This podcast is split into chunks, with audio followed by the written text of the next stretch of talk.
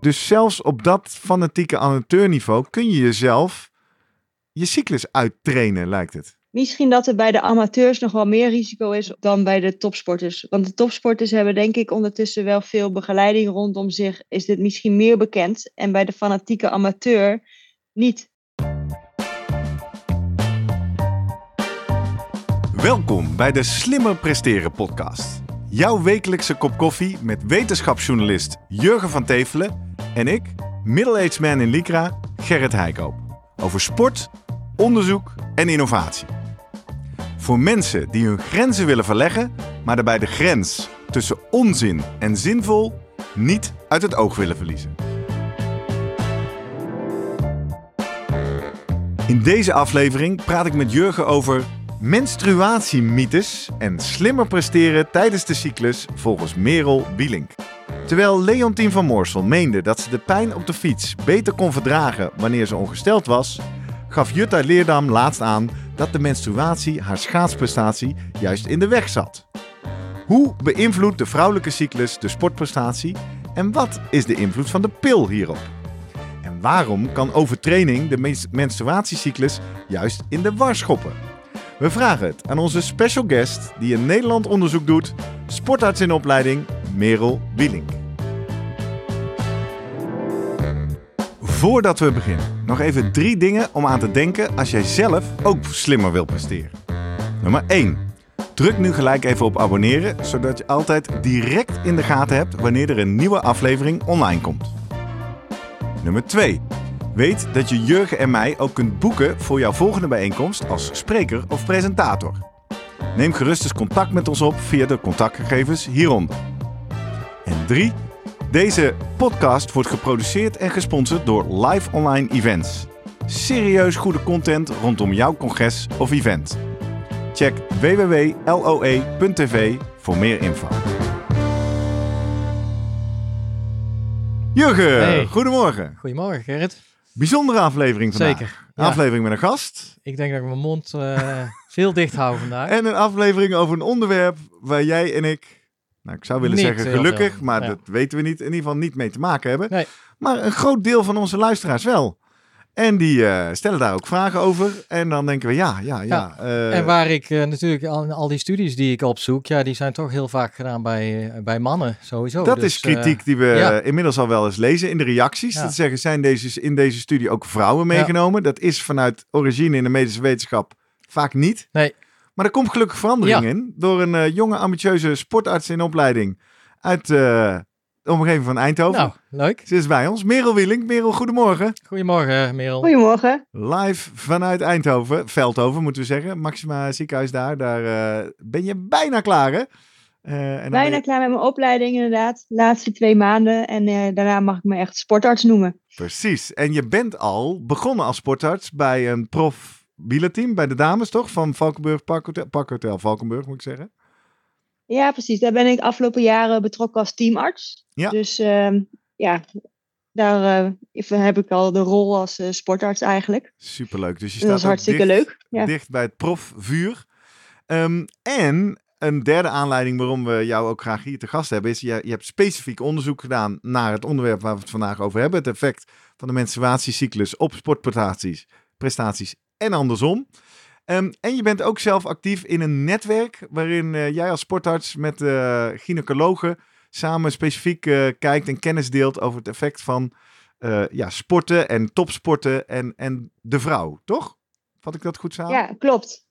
Nee, dat vat je goed samen. eigenlijk is het wel grappig, want een paar jaar geleden was ik met de gynaecologen hier in gesprek over ja, sport en uh, vrouwen en welke problemen lopen we tegenaan. Maar eigenlijk was daar heel weinig over bekend. Dus zodoende zijn wij destijds al begonnen met onderzoek. Um, alleen nu is het natuurlijk heel recent met uh, de uitspraken van diverse topsporters. Ook meer zwangerschapsaankondigingen door topsporters. Is natuurlijk dit uh, opeens hot topic. Dus het is hartstikke leuk dat daar nu zoveel aandacht voor komt. maar ja, het is een stukje waar wij een paar jaar geleden al in zijn ja. gedoken, inderdaad. Waarom heeft het zo lang geduurd, uh, Merel? Waarom was die ja, aandacht er niet? Of, uh... De vraag en de verkeerde natuurlijk. Ja, Want nee, Merel doet er wat aan. Ja, precies. Maar wat denk jij zelf? nu Nou, jij zelf onderzoek doet, en misschien kom je dan erachter een beetje van eh, waarom het, het eh, Uitdagend is. uitdagend is. Ja.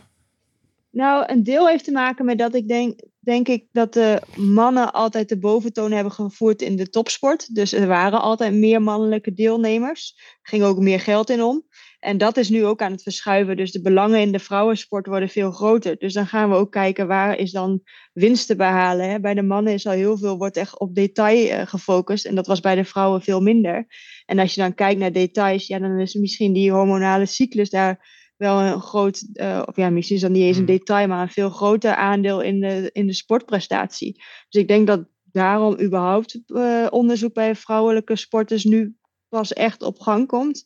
Met daarbij dan dus ook de aandacht voor de cyclus. Ja. Want dat is wel iets wat bij alles vrouwen in principe natuurlijk speelt. En eh, het leuke is, je noemt zwangerschap. Eh, we hoorden natuurlijk onlangs dat eh, Ellen van Dijk... in aflevering Ja. eh, 99 spraken we nog met haar partner... over haar werelduurprestatie. Zij slaat een jaartje over. We gaan het later dit seizoen nog specifiek hebben... over sporten en de zwangerschap... met gynaecoloog Koen Deurlo. En misschien aan het einde van deze aflevering nog een tipje... en anders maken we er zeker ook een specifieke aflevering over... over wat heeft de overgang voor effect op sporten. Kortom, wij als eh Slimmer Presteren podcast... Nou, sommigen zullen hun ogen rollen en zeggen... in het zevende seizoen eh, krijgen we ook meer oog voor eh, specifieke vragen en uitdagingen voor vrouwen die sporten. En nou ja, heel leuk en bijzonder, Merel, dat we dus vandaag mogen aftrappen over specifiek het effect van de menstruatiecyclus. En dat hangen we dan vooral op aan het onderzoek wat je hebt gedaan. En om goed te begrijpen wat luisteraars en ook wij hier op de bank wel en niet van je kunnen verwachten aan antwoorden en tips, is misschien goed om even bij de basis te beginnen. Wat heb je precies onderzocht? Ehm, nou, wat wij hebben gedaan is, eh, wij waren eigenlijk gewoon heel erg benieuwd van wat voor effecten ervaren vrouwen van de menstruatiecyclus. Eh, of van hormonen die ze gebruiken. Bijvoorbeeld een groot deel van de vrouwen gebruikt hormonale anticonceptie, zoals bijvoorbeeld de pil, maar kan ook in de vorm van een spiraal. En die hormonen kunnen mogelijk ook wel invloed hebben op presteren of op andere klachten. En eigenlijk dachten we, we moeten beginnen met vragen, ja, gebruiken ze hormonen of niet? Of hebben ze een normale cyclus? Want dat onderscheid is wel belangrijk om ehm, te weten van wat ben je nou eigenlijk aan het analyseren. Mhm. Analyseer je de eigen cyclus of hormonen die je toedient? Ehm, dus we wilden weten, ja, hoe zit dat in Nederland qua gebruik van hormonale anticonceptie of gewone cyclus? En het andere was van, ja, welke invloed denken vrouwen dan dat dat heeft op hun presteren? En ehm, wat daarbij belangrijk is, is dat wij dus dat met een vragenlijst hebben gedaan. Dus we hebben ze gevraagd eh, om daar eh, ja, online antwoorden op te geven. Maar we hebben dat niet gecontroleerd met een, een onderzoek, bijvoorbeeld een inspanningstest, waarbij je dat echt gaat controleren. Dat is echt ontzettend moeilijk om zo'n soort onderzoek op te zetten. Want dan zou je bij een vrouw, als je wil weten in de cyclus hoe het prestatieniveau verschilt, een aantal keer een fietstest moeten doen. Mhm.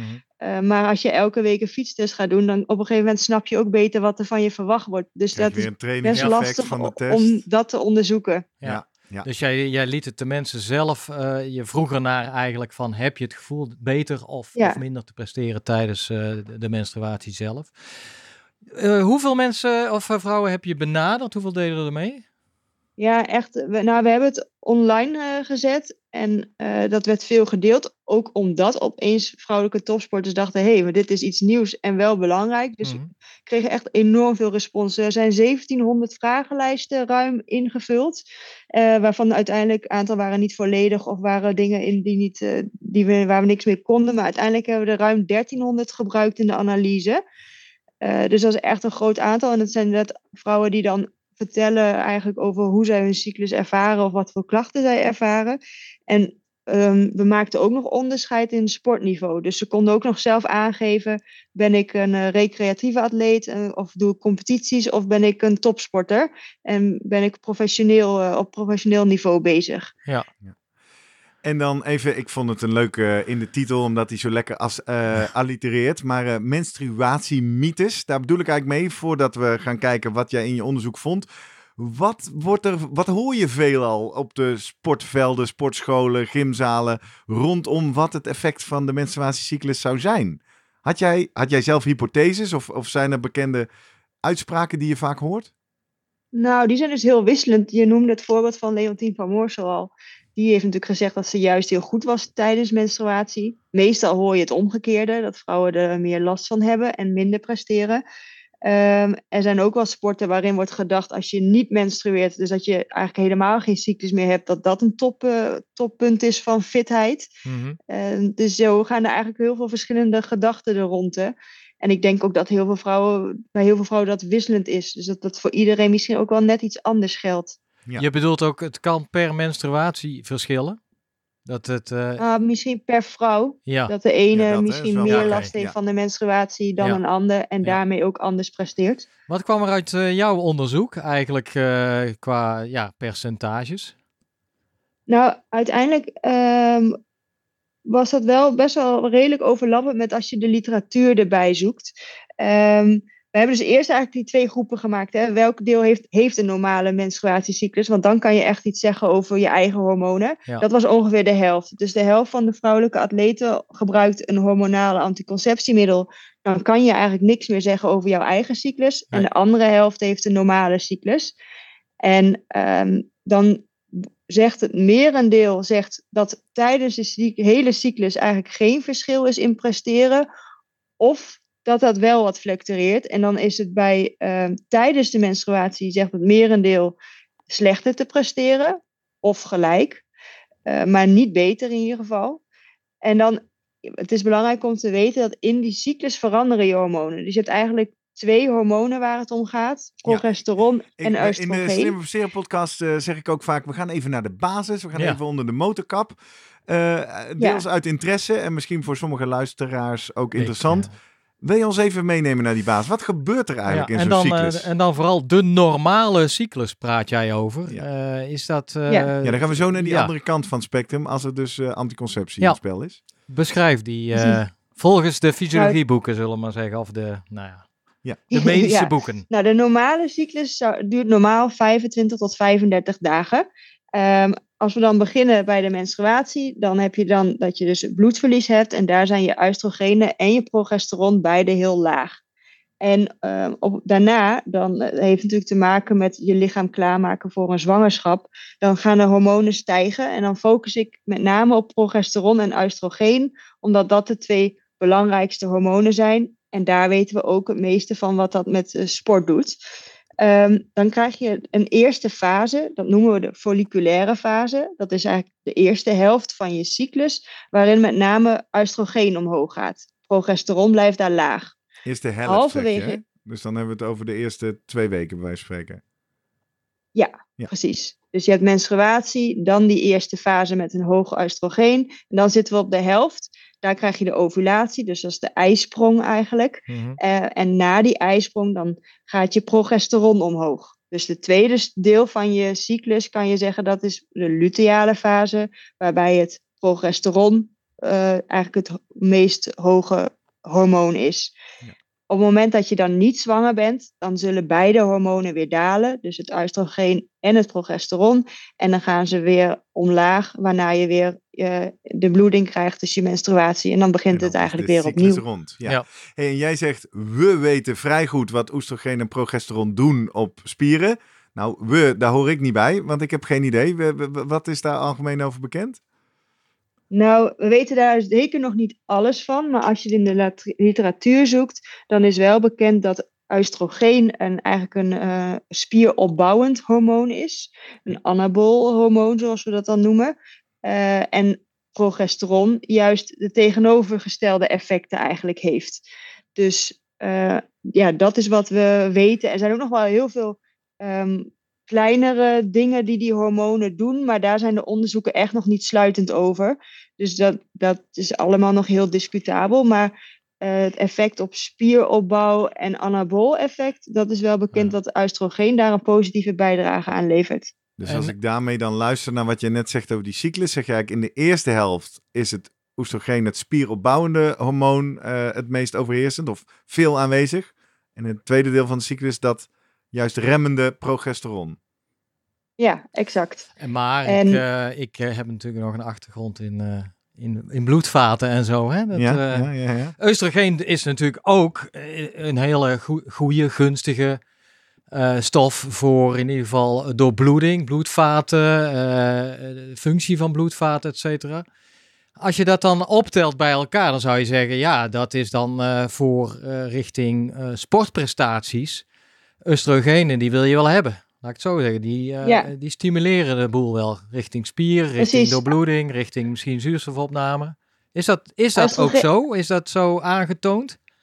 Ja, oestrogeen is eigenlijk inderdaad het opbouwende hormoon. Ook bijvoorbeeld voor botdichtheid belangrijk. Daar hebben jullie ook eerder al een uitzending aan gewijd. Ehm, en het is inderdaad zo dat we zien dat in de onderzoeken dat als je de folliculaire fase vergelijkt met die luteale fase, dus de fase waar het oestrogeen hoog is, zie je dat daar meer krachtsopbouw mogelijk is. En dat hebben ze bijvoorbeeld in een onderzoek gedaan. Hebben ze het ene been hebben ze met name in de ene fase getraind, het andere been in de andere fase. En dan zie je dat daar een significant verschil in zit aan het eind van de cyclus. Dat dat been wat bij een hoge oestro- oestrogeen is getraind, dat dat been eh, sterker is. Grappig. Wauw. Dus ja, Dus dat dit heeft is eigenlijk zeker dan eerst een effect. soort tip van deze aflevering. Niet zozeer van jouw onderzoek, maar in ieder geval uit de aflevering kunnen we dus leren dat, dat voor dames in de eerste helft van de cyclus ben je beter of slaat krachttraining beter aan dan in die tweede helft. Precies, Ja. ja. En dan eerste helft zit natuurlijk ook nog de menstruatiecyclus Ja, oké. bij, maar dan gaat Ja. het met name om daarna. Daarna. En dit rijmt eigenlijk ook wel wat er uit mijn onderzoek kwam, want daar hebben zij ook een groter gedeelte tijdens die folliculaire fase te denken beter te presteren. Oké. En juist in die eh, tweede fase dacht een merendeel minder te presteren. Of dus geen verschil te ervaren. Maar de tendens was wel een beetje gelijk als wat in de literatuur in die onderzoeken wordt gez- gezegd. Ja. En een beetje specifiek, maar ik hoor jou net zeggen toen je je eigen onderzoek uiteenzette. Er was een deel die ervaart niks en een deel die ervaarde wel wat.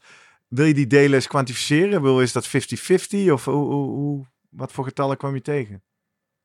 Ehm, uiteindelijk was, moet ik eventjes kijken, volgens mij was het 15% wat helemaal niks eh, Ah, Oké, ervaarde. dus de meerderheid En van de- de, dames ja, heeft meerderheid ervaarde het. wel op enig moment een verschil. Helder, helder. Ja. En dan Ja. toch een beetje een eh, how can I make this about me? Eh, we hebben het over oestrogeen, anabool, spieropbouw. Eh, ik ben een man en ik hoor altijd over testosteron. Zijn dat dan soort van vergelijkbare hormonen, maar de een komt bij de man voor en de ander bij de vrouw? Of, of hoe zit dat in elkaar? Nou, vrouwen hebben ook wel testosteron, maar echt een stuk minder dan bij de man. Dus dat effect is veel minder. Rondom je ovulatie gaat bij de vrouwen ook het testosteron wel wat omhoog. En het kan ook best zijn dat dat ook nog wel een kleine positieve invloed heeft op sportpresteren. Ehm, maar dat is echt maar een, een klein beetje vergeleken met de mannelijke hoeveelheid testosteron. Ja. Dus Nee, precies. maar ik zit meer te denken, omdat we horen eh, rondom doping ook, dat er dan extra testosteron Ja, wordt oh ja. toegediend. En als Ja. dat oestrogeen ook zo'n lekkere spieropbouwer door Het bloeder zijn is, denk ik, gaan vrouwen dan oestrogeen toedienen als doping of zo. Allemaal eh, ja, anabole effecten. Maar ja, Ja. testosteron heeft wel veel sterkere Ah, eh, anabole Maar daar effecten. krijg je dan ook een baard van. Maar eh, elk voordeel heeft zijn nadeel, volgens mij. Want er was laatst in het nieuws al die, die voetballerdames die geblesseerd raken aan hun kruisbanden. Ehm, hoe koppel je dat aan oestrogeen ook? Is dat al... Ja, daar is de literatuur heel wisselend over. Maar ehm, als je kijkt naar nog een effect van oestrogeen, is dat je ook wat lakser wordt in je banden. Eh, en je kan je voorstellen dat als dat gebeurt, je daar meer, ook meer risico hebt op eh, blessures. Dus dan zou je denken dat in die fase eh, je ook meer kruisbandblessures bijvoorbeeld opdoet. Er is natuurlijk nog wel meer verschillend aan de mannen- en vrouwenanatomie dan alleen de hormonale eh, cyclus. Ehm, maar die hormonen spelen daar misschien wel een rol in. Want vrouwen hebben vier tot zes keer verhoogde kans op kruisbandblessures. Dus dat is best wel een aanzienlijk verschil. En die oestrogenen die kunnen dus wel een rol hebben in die laxiteit. Als je dat, dan zou je dus denken dat in de eerste fase van je, van je cyclus eigenlijk je dat meer kans hebt. Ja. Onderzoeken zijn daar nog niet helemaal eh, over eens. Wat wel vaak eruit komt, is dat inderdaad in de luteale fase, waar het progesteron hoog is, dat daar inderdaad minder kruisbandblessures zijn. Maar wanneer precies die kruisbandblessures opdoen, ja, dat wisselt een beetje. Want nu hoor je ook heel vaak dat het tijdens de menstruatie is. En dan zijn eigenlijk dus juist je progesteron en oestrogeen heel laag. Ja. Dus er zitten nog wat tegenstrijdigheden in. En ik weet niet of ik je over vraag, Romero, maar ik vind dit nogal specifiek. Ik bedoel, hoezo kruisbanden? Maar is, is dat dan omdat er nu heel veel vrouwelijke voetballers in de top komen bovendrijven en dat we dit tegenkomen? Of is er echt iets met kruisbanden waar, hè, de, hoezo, hoezo meer kruisbandblessures? Of is het in zijn algemeenheid meer blessures? Want dan zou je het misschien ook teruggezien ja, hebben in jouw onderzoek. Enkelbanden of, uh, nou ja, ja, je zou het eigenlijk, als je het over hormonen hebt, zou je denken dat dat op alle uh, banden dan invloed zou moeten hebben. Uh, maar nu is de kruisbanden staat wel heel erg uh, in het nieuws de afgelopen tijd. Ik weet niet waarom dat meer is. Misschien de vrouwenanatomie is ook wel iets anders. En bij, in het voetbal spelen ook nog wel andere dingen natuurlijk mee. Waar, misschien waarom dat dan nu ja, ja, meer aandacht krijgt dan andere blessures. Omdat dat meer opvallend is dat dat vaker voorkomt. Ja. Uh, het is natuurlijk wel, een kruisbandblessure heeft wel echt grote impact. Het is een lange revalidatie, dus misschien dat het daarom ook meer aandacht uh, meer geeft. Heb jij iets gezien in de data of iets gevraagd over uh, blessures in relatie tot de cyclus? nee, hebben wij niet naar gevraagd. Oké. Nee. Dus we zaten aan de ene kant van je onderzoek, de dames die geen anticonceptie gebruikten, de normale cyclus, twee, nee niet twee weken, twee delen en een oestrogeendeel, een progesterondeel. En daar heeft dus 85% ervaard daar een verschil in prestatie die ze kunnen leveren. Hoe zit het aan de andere kant? 50% ongeveer zei je van de deelnemers had wel te maken met uh, anticonceptie. Laten we eerst even begrijpen, waarom is het zo belangrijk om die twee dingen apart te houden? Nou, net hadden we de uh, natuurlijke menstruatiecyclus doorgenomen. Hè, met een stijging van oestrogeen en progesteron. Dat wordt door je eigen lichaam gemaakt. Dus vanuit de hersenen komt er een stofje en wordt dat aangemaakt. Op het moment dat jij uh, bijvoorbeeld de hormonale anticonceptiepil gebruikt, dan gaat dat stofje uit de hersenen, dat, is het, dat doet het niet. Dus je gebruikt eigenlijk, ja, met die pil geef je van extern je synthetische hormonen. Dus dat zijn andere hormonen dan als je die zelf aanmaakt. Okay. Dat is een synthetisch hormoon. Mhm. Eh, en elke dag dat je die inneemt, krijg je daar een piekje in. En ehm, ja, daardoor heb je dan wel je anticonceptiewerking. Maar eh, je eigen hormonen, die blijven eigenlijk gewoon heel laag. Want die worden door je hersenen niet meer aangemaakt. dus de verschil in oestrogeen en, en progesteron, zoals, zoals we het normaal zien, en waarvan we denken dat daar misschien effecten aan hangen die met sport ook uh, iets kunnen, die, dat, ja, die wisseling in die hormonen heb je niet als je een uh, hormonale anticonceptie gebruikt. Helder. En toen ging jij toch aan die mensen dezelfde vragenlijst voorleggen, namelijk ervaar jij verschil in prestatie? Wat, wat zag je? Ja, um, nou, we zagen eigenlijk dat maar een heel klein deel het gevoel had dat ze uh, beter presteerden door de hormonen. Dus um, de meeste namen namelijk vanwege bijvoorbeeld klachten van de menstruatie, mm -hmm. uh, buikpijn, uh, dat soort dingen. Of natuurlijk meest voorkomend als anticonceptie. Um, en we vroegen van, ja, heb je ook enig een idee dat jouw presteren vooruit gaat met deze hormonen. Maar dat was eigenlijk maar 5% wat dacht beter door te presteren.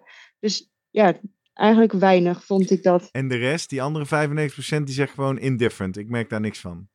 Ja, op presteren geen effect. Wel dat ze bijvoorbeeld natuurlijk minder last hadden dan van die buikpijn. Ja. Of andere minder last hadden van bloedverlies. En je kan je voorstellen dat dat bijvoorbeeld indirect natuurlijk wel helpt dat je misschien beter kan presteren.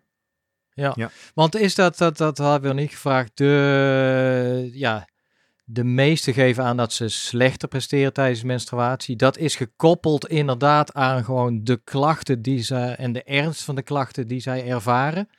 Met name, of is er ook een fysiologisch aspect van, ik denk meteen aan, ah ja, bloedverlies, dus uh, minder uh, uh, zuurstofaanbod of iets dergelijks tijdens de menstruatie die een rol nou, speelt het zou, bij minder Het zou beide kunnen. Wij hebben dat niet zo uitgesplitst om waarom ze dan denken minder te presteren. Maar we hebben, um, je zou kunnen denken dat inderdaad bloedverlies daar invloed op heeft. Maar misschien ook gewoon die twee lage hormonen aan zich. Dat dat natuurlijk ook al uitmaakt Ja.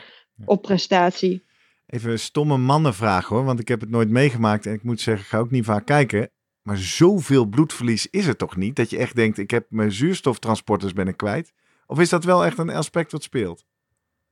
Ik weet niet precies hoeveel bloedverlies Nee toch, maar we hebben het toch niet over eh, Ehm, bloedzakken vol? Ja, nogmaals, ik weet het niet. Nee, volgens mij niet. Nee. Eh, maar we weten wel dat als je dat elke maand hebt, dat je Ja, zo wel langzaam wel wat bloed kan verliezen gedurende de tijd. Ja. Vrouwen zijn wat dat betreft wel vatbaarder voor bloedarmoede en wat lager ijzergehalte. En dat kan zeker bij een duursporter wel effect hebben op prestatie. Ja, Goed punt. Ehm, ja, ik zal nog even die anticonceptie. Die, volgens mij kun je daar ook weer allerlei eh, bijwerkingen van krijgen. Ehm, Dat klopt. Ja, dat Wij- dat hebben we ook gevraagd. Ja. We, hadden dus een klein deel wat vond dat ze presteren dan beter eh, door zouden worden. Ehm, en we hebben ook gevraagd welke nadelen ervaar je nou van je anticonceptie. En dan valt op dat dat met name eh, gewichtsaankomen is. Dus eh, gewichtstoename. Meer bij de anticonceptiepil dan bij eh, de Mirena-spiraal. En ook vermoeidheid werd als bijwerking genoemd van van beide middelen eigenlijk, maar ook meer bij de combinatie pil in vergelijking met de Mirena-spiraal. Dus, en dat zijn natuurlijk wel dingen die ook weer een negatief effect op prestatie zouden kunnen hebben. ja. Dus Daar even- staan wel ook wel weer veel voordelen tegenover. Want ehm, ze hebben bijvoorbeeld minder bloedverlies. Als je bijvoorbeeld de pil doorslikt, ja, dan menstrueer je niet. En dat werd wel ook al aangegeven als een Ja. heel positief bijeffect. Eh, dat je dan niet tijdens een wedstrijd of tijdens een belangrijke training een menstruatie hebt. En je dat eh, kunnen even plannen? een, een vraag van, Meer een van domme iemand. mannenvraag? Ja, een hele domme man. Heb je keus eigenlijk in combinatie pillen qua doseringen of qua samenstelling? Of is de combinatiepil eigenlijk altijd hetzelfde? Lees, kan je daar een beetje Ja, mee spelen richting ook misschien bijeffecten of... eh, Er zijn wel verschillende eh, pillen en spiralen op de markt. Dus daar kan je wel wat in variëren. Ik moet eerlijk zeggen, ik schrijf dat nooit voor eigenlijk. Dat gaat vaak via huisarts of gynaecoloog. Dus die zijn daar wel, de, met name de gynaecologen zijn op dit gebied natuurlijk de experts. Maar er zijn verschillende opties. Dus als je merkt inderdaad dat je ergens last van hebt, dan zou je dat altijd eens kunnen bespreken met een gynaecoloog of er nog andere opties zijn die misschien die klachten wat minder eh, maken. Ik was nog even benieuwd, hè, want je, we hebben nu, je hebt drie groepen uiteindelijk gedefinieerd in jouw onderzoek. Of er verschillen zijn eigenlijk Ah, in... ja, dat eh, wilde ik ook net vragen. Want je zei recreatief, amateurs en, en topsporters. Of je had ook topsporters. Zie je nou in een van die groepen, en natuurlijk misschien met name in die topsporters, opvallende resultaten? Ehm, nee, de, dus eigenlijk wa- was het meeste kwam wel overeen. Je ziet wel in de topsport wordt er iets vaker hormonale anticonceptie gebruikt dan in de andere groep. Ehm, of dat misschien reden heeft dat ze dan daarmee eh, ook makkelijker hun cyclus kunnen timen bijvoorbeeld. Dat zou kunnen, want dat hebben we wel gevraagd of ze dat deden. En dan zie je wel dat in de professionele groep dat vaker wordt gedaan dan in de recreatieve groep. Ehm, dus vaker dat professionele atleten proberen rondom een eh, evenement niet eh, ongesteld te zijn en dat met die pil dus wat aan te passen. En het andere wat we vroegen is van ben je vanwege klachten rondom de menstruatiecyclus wel eens ja, niet verschenen op een training? Dat was bij de recreatieve sporters vrij vaak en bij de professionele atleten uiteindelijk niet zo vaak. Goed, daar speelt misschien natuurlijk ook eh, motivatie en dergelijke Ja, een rol. En druk en belang. Maar dat waren eigenlijk Ja. de grootste eh, verschillen. Verder waren de verschillen niet, eh, niet heel eh, groot tussen de groepen. Wat was de klassificering, of wat waren de grenzen om als, als topsporter of professionele sporter te, eh, in jullie studie opgenomen te worden? Ja, dat- eigenlijk hadden we dat niet. Daar hadden Oh. we misschien achteraf beter over na kunnen denken. Maar we hebben gewoon gevraagd op welk niveau ze sporten. Ja. En dus ze konden zelf aangeven of ze prof waren of Oh niet. Daarbij kwam nog wel de vraag of ze dat betaald eh, deden en fulltime en internationaal. Eh, maar we hebben dat verder niet eh, uitgediept. Ik probeerde Dus echt, ja, bruggetje wat ze zelf maken rapporteerden. naar eh, de omgekeerde vraag namelijk. Want daar heb je wel ook naar gekeken of wat over te vertellen. Namelijk dat nu hebben we het vooral over wat is het effect van de cyclus op de sportprestatie. Maar andersom is een onderwerp wat wij ook al kort hebben aangestipt in onze eerdere aflevering toen we het hadden over verschillen tussen mannen en vrouwen. Het effect van sporten op de cyclus. Wat eh, kun je Ja. ons daarover vertellen? Nou, daar zagen we dus wel inderdaad een groot verschil tussen de professionele atleten en de andere groep. Is dat uh, er bij de atleten veel vaker een cyclusstoornissen voorkwam. En in ons onderzoek met name uitblijven van menstruatie. Dus Mhm. dat betekent dat je eh, eigenlijk gewoon geen niet ongesteld wordt, dus ook geen cyclus hebt en ook niet die fluctuaties in die hormonen hebt. En dat vonden wij eh, wel echt opvallend veel. Het was bij onze groep een vierde van de professionele atleten die dat aangaf. En daar schrokken we ook wel een beetje van. Want dat is wel iets wat bij topsport eh, als bijeffect kan komen. Ehm, en wat we vaker zien, met name in de duursporten bijvoorbeeld. En wat er dan vaak aan de hand is, is een soort relatieve energiedeficiëntie in sport, ook wel afgekort RED-S. Wat eigenlijk betekent dat als jij eh, heel veel sport, verbruik je ook heel veel energie, heel veel kilocalorieën. Mhm. Maar je lichaam heeft ook kilocalorieën nodig voor herstel, groei, eh, gezondheid. eh, ja, eigenlijk gewoon om alles, alle systemen draaiende te houden. En op het moment dat je heel veel sport, maar niet voldoende kilocalorieën extra bijneemt, ja, dan gaat je lichaam op een soort spaarstand en gaan er bepaalde processen eigenlijk uitvallen, waaronder de menstruatiecyclus bijvoorbeeld. En dat is wel kwalijk, want die hormonen die heb je echt wel nodig voor bijvoorbeeld botopbouw, eh, voorkomen van hart- en vaatproblemen. Dus ja, wij schrokken best wel dat zo'n groot deel van die professionele atleten aangaf niet meer te menstrueren. Hoe groot was die groep ook alweer? Eh, Een vierde, zei ze. Een vierde. een ja. kwart. Ja. Ja. En dan kom je dus één bij de mythe waar we net mee begonnen. Hè? Dat je zei, ja, er is wel zo'n mythe dat als je echt fit bent, dan menstrueer je niet. Ja, misschien wel. Maar dat zou dus ook hiermee te maken kunnen hebben. En dus misschien wel niet zo gezond. Wat ook is, we hebben het hier wel eens eerder over Red S gehad.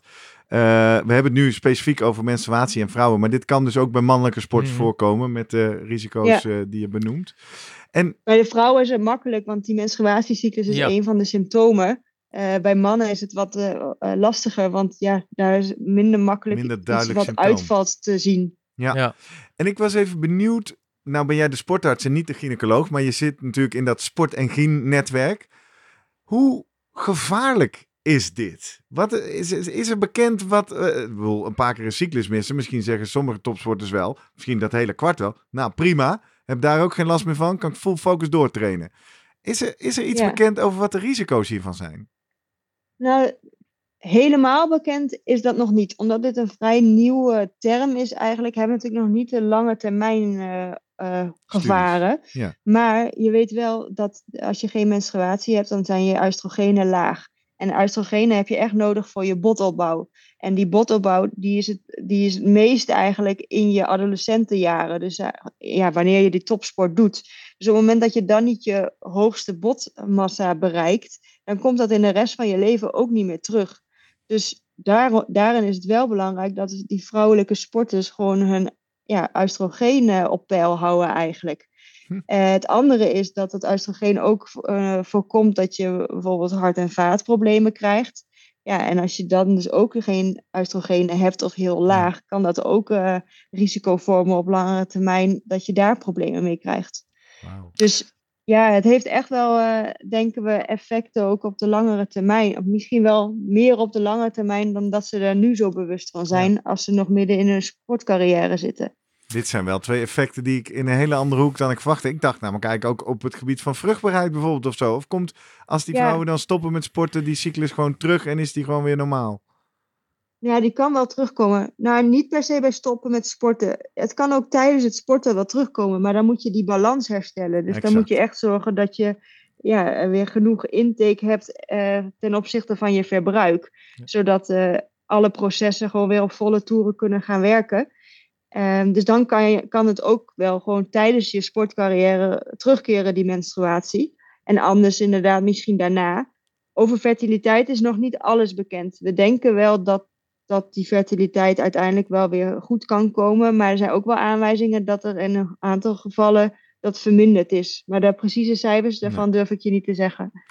Ik wou, was even benieuwd, want jij noemde het al, de, de normale cyclus eh, ergens tussen de 25 en 35 nou, dagen. vond ik ook Dus een groot window daar eigenlijk. zit al heel wat variatie. En ik had ook het idee dat, nou nu 1 op 4 is natuurlijk extreem eh, veel, maar dat ook in de normale bevolking ja, dat een keer overslaan die menstruatie toch wel geregeld voorkomt. Wat, wat, wat vond je bijvoorbeeld in de groep recreatieve sporters dan voor uh, ja, dat percentage eigenlijk um, vergeleken ja, met die nauwelijks. topsporters? Nauwelijks, oké. Okay. Dus die zijn wel het heel... uitblijven van menstruatie uh, langer dan drie maanden heb je het dan over, Ja. was daar eigenlijk nauwelijks. Oké. Want is het inderdaad goed, wij zeggen altijd, nou, uh, uh, te veel, ja, daar moet je uitkijken. Maar sporten, bewegen is natuurlijk, weten we inmiddels, in het kader van Exercises Medicine zeer ehm, aan te bevelen voor iedereen. Geldt dat inderdaad ook voor uh, een positief effect van uh, sporten, bewegen op zich voor de menstruatiecyclus en eigenlijk de, de hormoonspiegel. Uh, ja. ja.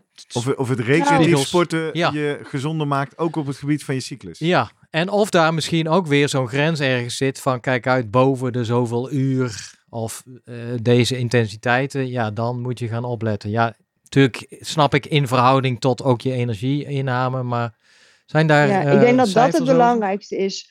Uh, het belangrijkste is dat je je cyclus behoudt. En daarvoor moet die energiebalans goed zijn. Dus dan, ja, en als je dat goed houdt, dan kan je denk ik ook heel veel sporten. Zonder Ja. dat die menstruatie uit, uitblijft.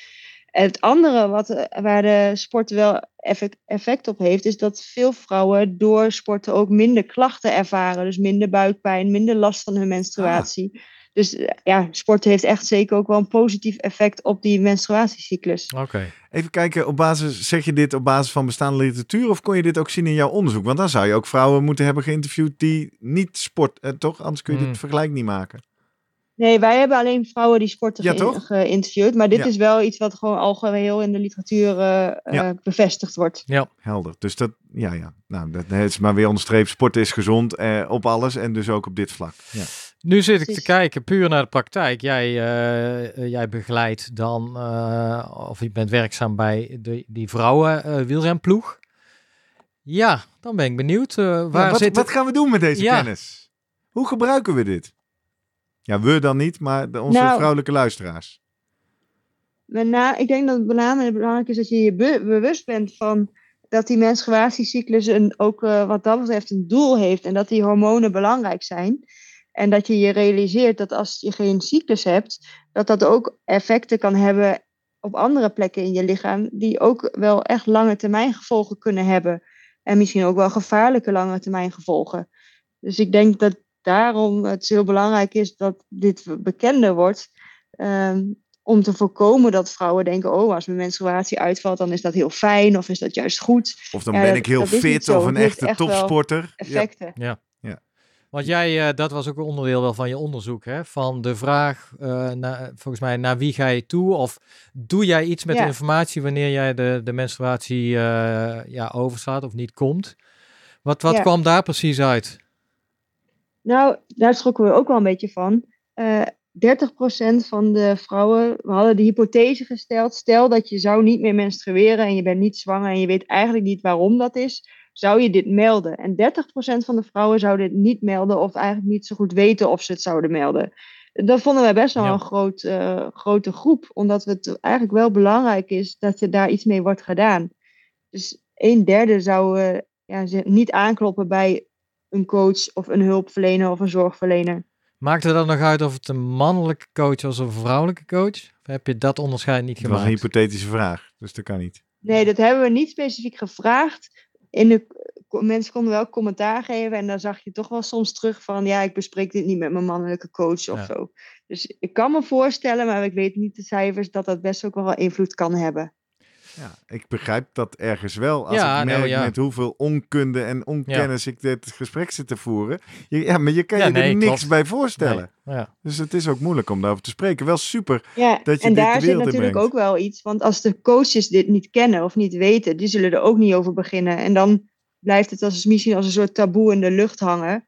Eh, terwijl dat helemaal niet nodig zou hoeven zijn. Dus wat alle sporters met coaches, zeker met mannelijke coaches, moeten doen, is even deze aflevering van de Slimmer Presteren podcast naar ze doorsturen. En Ja, zeggen: Hier, precies. luister dit maar even. Ja. Dan eh, kun je eens even zien wat hoe belangrijk is. Andere praktische tips, want dat is het toch wat we in de tweede helft eh, wel een beetje naartoe willen. Wat, wat gaan we hier nou doen? Je zegt bewustzijn is één.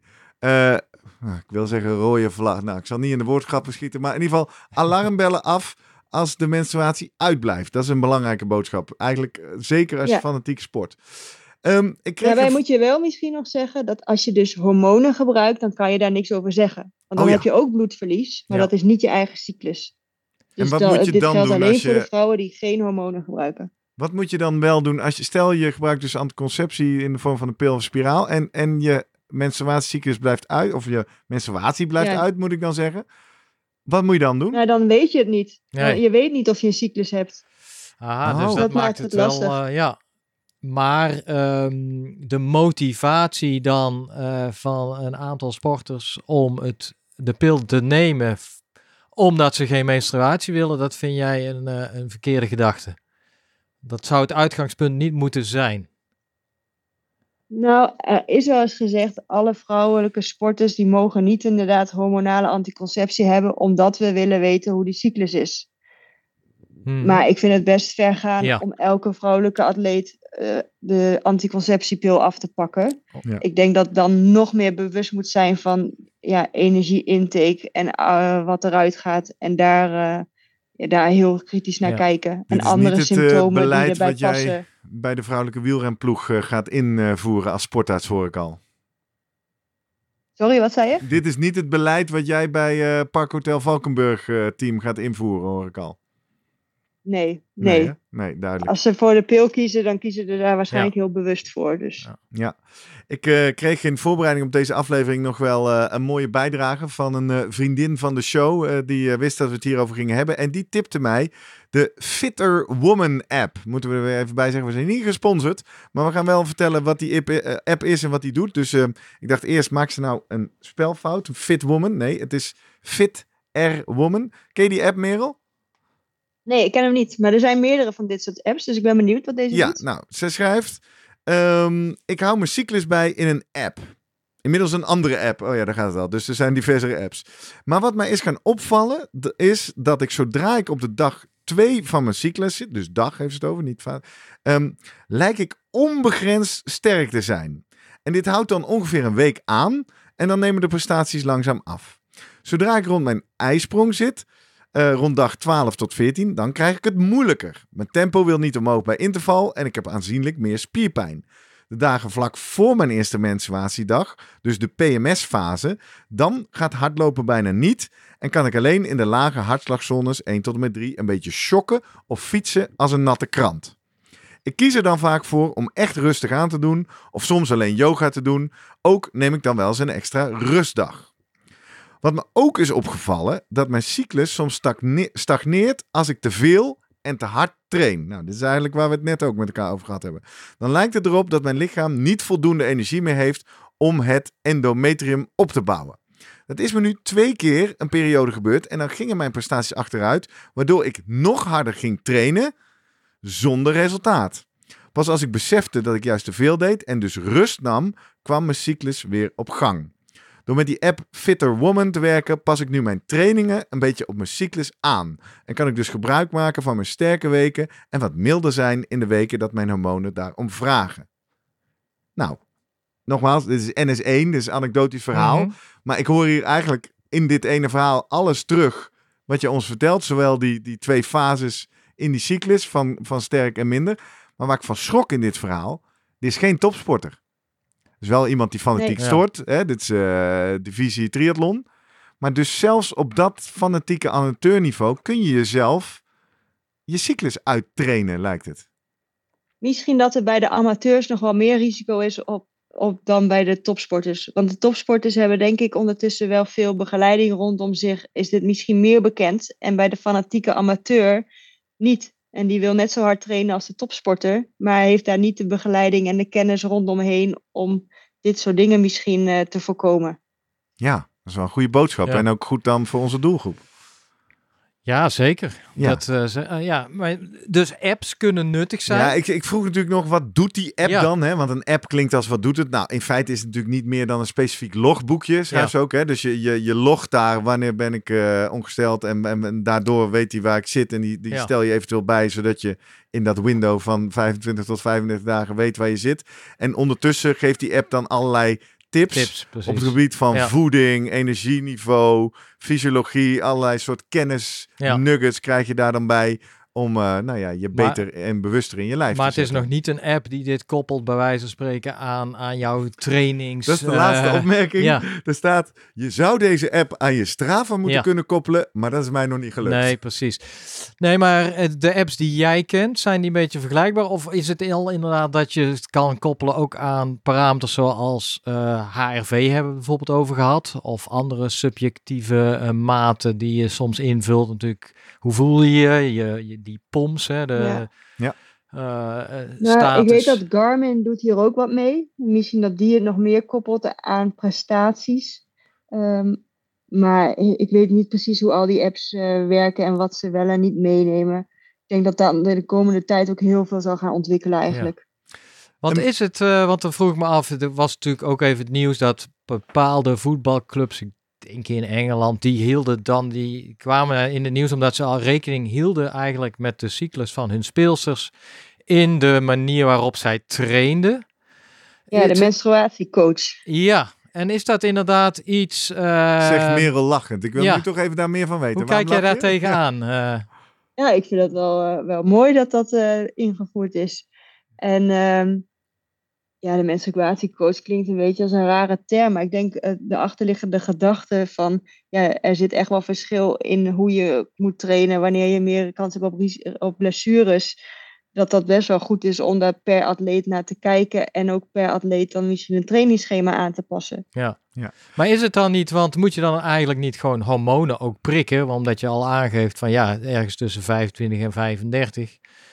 Eh, als het allemaal, eh, als, als er je zoveel goed logt, dan kan je dat zit. kalibreren, toch? Als je goed de menstruatie logt en dan een aantal tijd... Of, of kan ja, maar de, dat de- iedere keer zo eh, verschillen tussen 25 en 35 Nou, de meeste vrouwen zijn natuurlijk gewoon heel regelmatig ongesteld. Dus dan zou je op basis daarvan best kunnen inschatten waar je zit. Wil je dat heel precies weten, dan moet je dat inderdaad met eh, aanvullende onderzoeken doen. Eh, dat is wel iets wat eh, bij de gynaecoloog natuurlijk soms gebeurt. Maar ik denk dat dat veel te ver voert om dat ja. voor elke training bij elke sporter te doen. Ja. Dus ik denk dat het dan vooral belangrijk is om te loggen inderdaad. Maar zou het dan ook niet gewoon al kunnen met bestaande apps zoals HRV? eh, Dat je die- het daar erbij schrijft. Ja, Ja, ik kan me voorstellen dat het uiteindelijk uit zich misschien in, in, in slechter slapen, in, in minder zin om te trainen, et cetera. Nou, dan zou je dit er misschien bij kunnen nemen. Ja. Om gewoon een geheel plaatje te krijgen. Ik denk dat Ja. het weer iets is, voor, zeker voor coaches en coaches op afstand. Ja. Lijkt me dit interessante data om mee naar te gaan kijken, toch? Als je kijkt naar slaap en gewicht en zin om te Super trainen. interessant. Ja. Nou, dat vind ik nog wel een leuke, want jij, jij zit hier deels als onderzoeker, want je hebt een onderzoek gedaan. Maar ja, je zit hier ook als sportarts van een professioneel wieler- wielerteam. En daar ben je net begonnen, weet ik ook allemaal wel. Maar als jij mag dromen, hoe zou je deze kennis concreet willen gaan toepassen in jouw begeleiding van deze sporters? Ehm, nou, uiteindelijk zou ik willen dat eh, iedereen gewoon een menstruatiecyclus heeft. eh, en dat de energiebalans daarmee dus ook gewoon goed, eh, goed is. Ja. Ehm, maar dat is best heel lastig in de praktijk. Precies. Nee, dat realiseer ik me. En daarom zeg ik ook een beetje dromen en fantaseren. Maar dus dat is één. Monitoren heeft iedereen gewoon een normale cyclus. Daarmee als indicator. We hebben in ieder geval met, qua energiebalans zitten we goed. Maar wat we net horen uit Engeland bijvoorbeeld. Zou je, zou je ook dan met de inspanningsfysioloog samen trainingsprogramma's willen gaan afstemmen? Is het zo significant, wil ik maar zeggen. Nou, nou, ik denk dat dat misschien wel eh, zou kunnen. Eh, ik bemoei me verder niet zoveel met hun trainingsschema's. Maar je zou kunnen denken dat je de momenten van krachttraining misschien wat meer kan afstemmen op de cyclus inderdaad. En dat je daar wellicht dan wat meer eh, winst uit kan halen. Ik En zal dan, nog ja, even... dan wil ja. ik nog één, want dit was een drieslag ging ik maken. Want ik wil nog één menstruatiemythe bij je checken. Er wordt, ik weet niet of dat onder mannen is, maar ik heb wel eens gehoord dat als groepen vrouwen veel met elkaar optrekken, dat de cyclus ook gelijk gaat lopen. Is dat nou waar of is dat een Ja. mythe? Ik heb geen idee. Echt niet? Geen Nee? idee. Ja. Oh. Dat lijkt me namelijk in het geval van zo'n voetbalteam best wel handig. Ja. Want dan kun je ook de trainingen aanpassen. Anders niet natuurlijk. Ja, precies. Dan kan het hele team hetzelfde doen. Jij herkent dat in ieder geval niet bij de wiel- wielerploeg of je weet dat niet eh, bij de wielerploegen die jij eh, begeleidt. Nee, ik weet niet precies wanneer iedereen Ah, oké. opgesteld is. Ja. En nee, dus ik, ik weet het antwoord hierop niet. Nee. Ik zal nog even over die energiebalans. Hè. Ehm, in zijn algemeenheid, ja, snap ik dat. Maar is dat ook echt periodeafhankelijk? Lees dat bijvoorbeeld in de eerste twee weken in die folliculaire fase juist meer energie nodig is en in een andere fase weer minder? Of is het eigenlijk, nou ja, eh, omdat we natuurlijk, we kennen nu de beelden van eh, de wielrenners die met een weegschaaltje hun eh, eten zitten af te wegen. ook in combinatie met natuurlijk de vermogens die ze die dag getrapt hebben, et cetera. Moet je dat, gaat het, is het zo belangrijk dat je dat per goed timed? Of kun je gewoon zeggen, nee, hou er gewoon rekening mee dat als jij veel sport, dat je ook je inhamen gewoon Ja. goed moet zijn eh, continu. Ik denk dat dat het belangrijkste is. Eh, veel sporten is je intake verhogen. En ik denk dat dat in je menstruatiecyclus niet heel veel verschilt. We weten wel dat als je progesteron hoog is, dus in die tweede fase, je wat makkelijker vocht vasthoudt. Ehm, dus dat je daarom wat aan kan komen in gewicht. Ja. Maar ik denk, je moet vooral eten naar wat je verbruikt. En dat is natuurlijk altijd een dingetje in, eh, in duursporten, hè? het gewicht. Ehm, ja. dat speelt daar dan waarschijnlijk dan ook nog mee. Hè? Dat het eh, ja, toch een risicofactor voor Red S is. Het feit dat men ja, Zeker. eh, du- duursporters niet eh, willen aankomen. Het liefst natuurlijk zo licht mogelijk willen zijn. komt met name voor in duursporten waar gewicht Ja. een issue is. Of dus sporten zoals turnen of eh, gewichtsklasses Ja. in de judo of het roeien. Waar, eh, daar komt het het meest voor. Ja. Is het niet dat ook eh, dat een bijeffect van de pil is? Eh, Wat? Extra Ja, aankomen? dat, werd net, eh, dat vertelde Merel. Ja. Oké, Ja. ja. In ieder geval dat dat Klopt. gerapporteerd wordt door jouw eh, respondenten, Oh ja. toch? Dat ze Ja. dat ervaren. Ja, en dat is ook wel, wel bekend als bijwerking, maar de- dat ervaren ze dus ook daadwerkelijk. Aha. Mooi, toch? Ja. Volgens mij zijn we heel rond. Of eh, hebben we nog Nou een heel ja, stuk gemist, nog eh, Even een stukje menopauze, dacht ik Oh van. ja, Want dat is we- natuurlijk, dat wordt ge- gekenmerkt, als ik het altijd goed heb begrepen, door een, eh, ja, een mindere afgifte, lees lagere niveaus van oestrogenen. Toch even inleiden. Wij hebben inmiddels een aantal vragen in onze inbox. Post.slimmerpodcast.nl van eh, dames eh, die eh, middle-aged of zelfs wat ouder zijn. Die zeggen, ja, ik heb daarmee te maken. En ik kan eigenlijk nergens goed vinden wat de effecten daarvan zijn.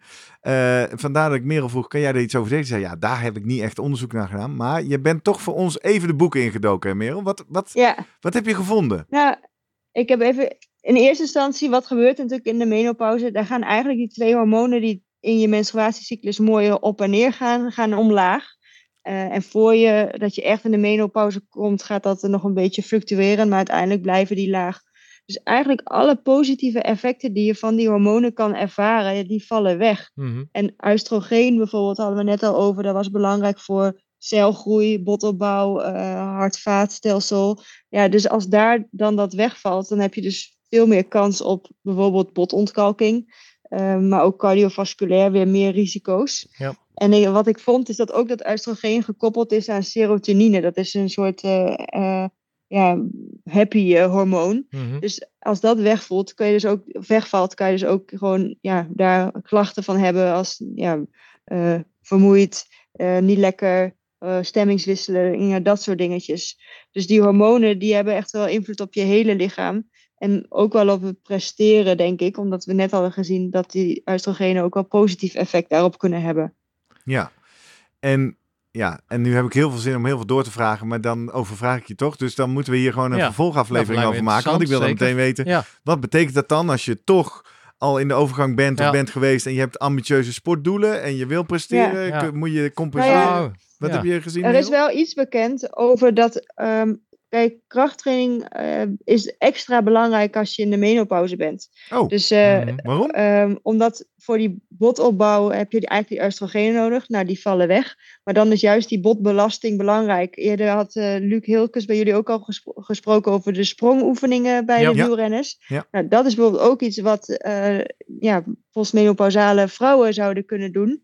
Naast bijvoorbeeld krachttraining. En dan wordt dat geadviseerd omdat ja, twee tot drie keer per week te doen op redelijk hoge intensiteit. Dat je echt goed eh, die botten belast om zo te voorkomen dat de botdichtheid te snel afneemt.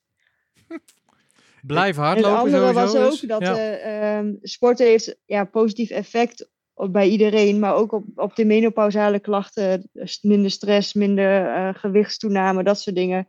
Dus ook voor eh, postmenopausale vrouwen is het extreem belangrijk om gewoon lekker te blijven sporten. Ja. Nou, wat goed.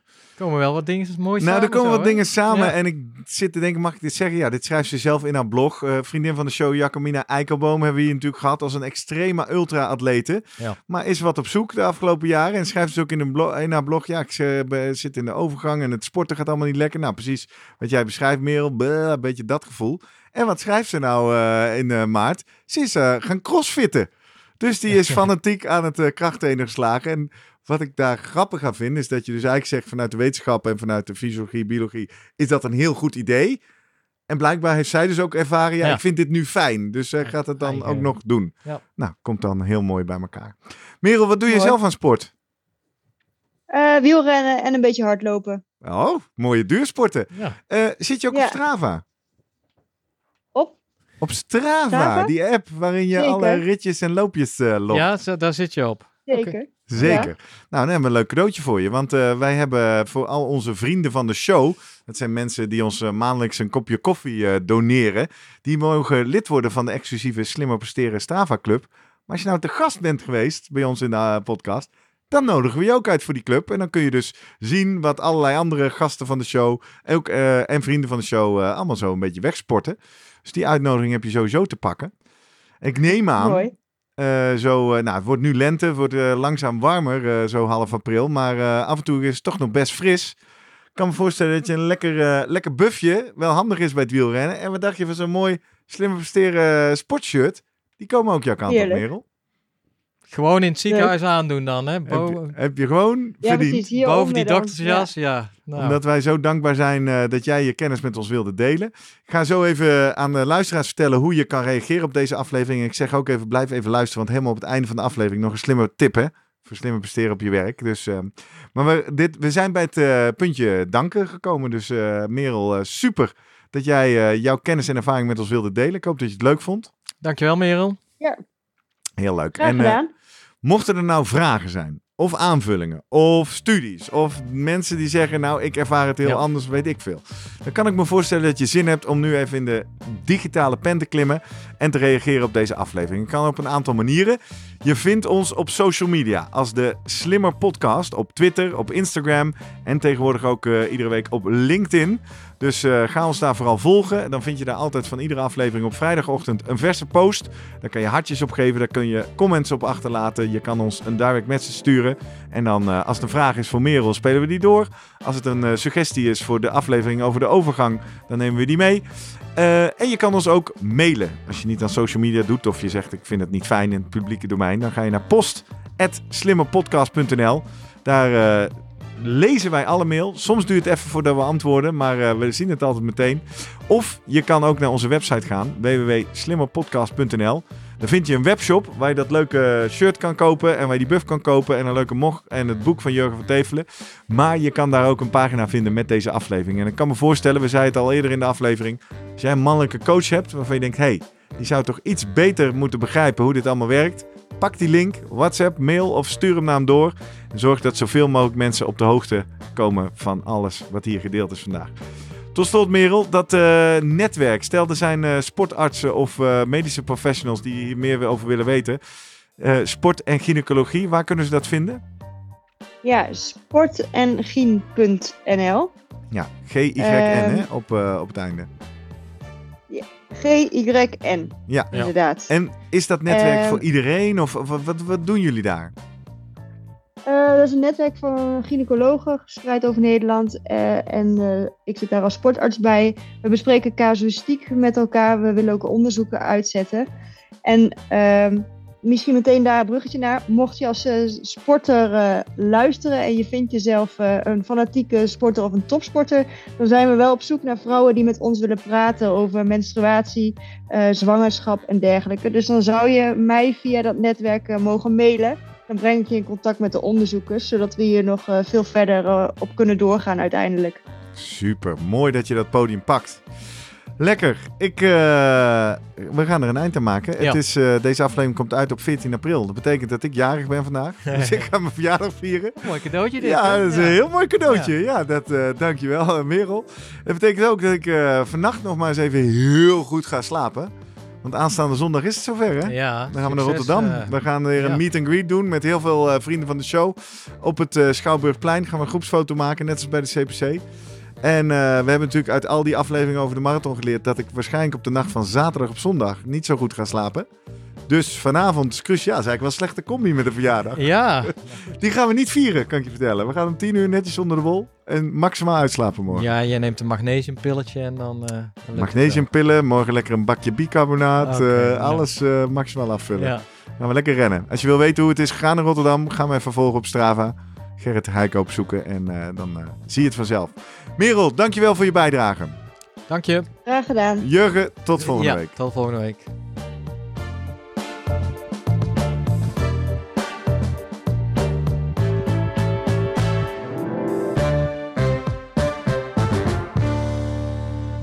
Goed dat je luistert en nog niet bent weggerend naar de sportschool. Want aan het eind van iedere aflevering delen we altijd nog even een tip om slimmer te presteren op je werk.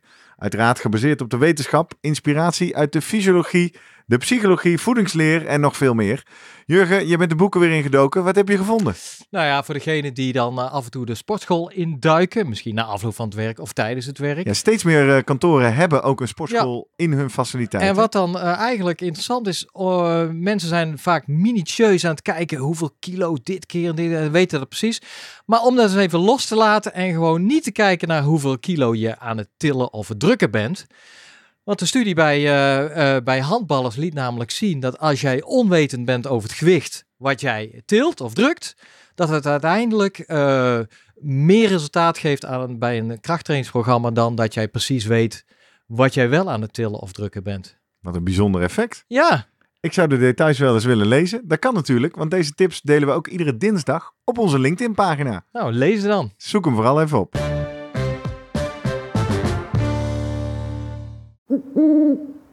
Hey, pst. Voordat je weggaat, denk er nog even aan uilentorenloop.nl. Dan zien we je de eerste zaterdag van juni. Tot dan!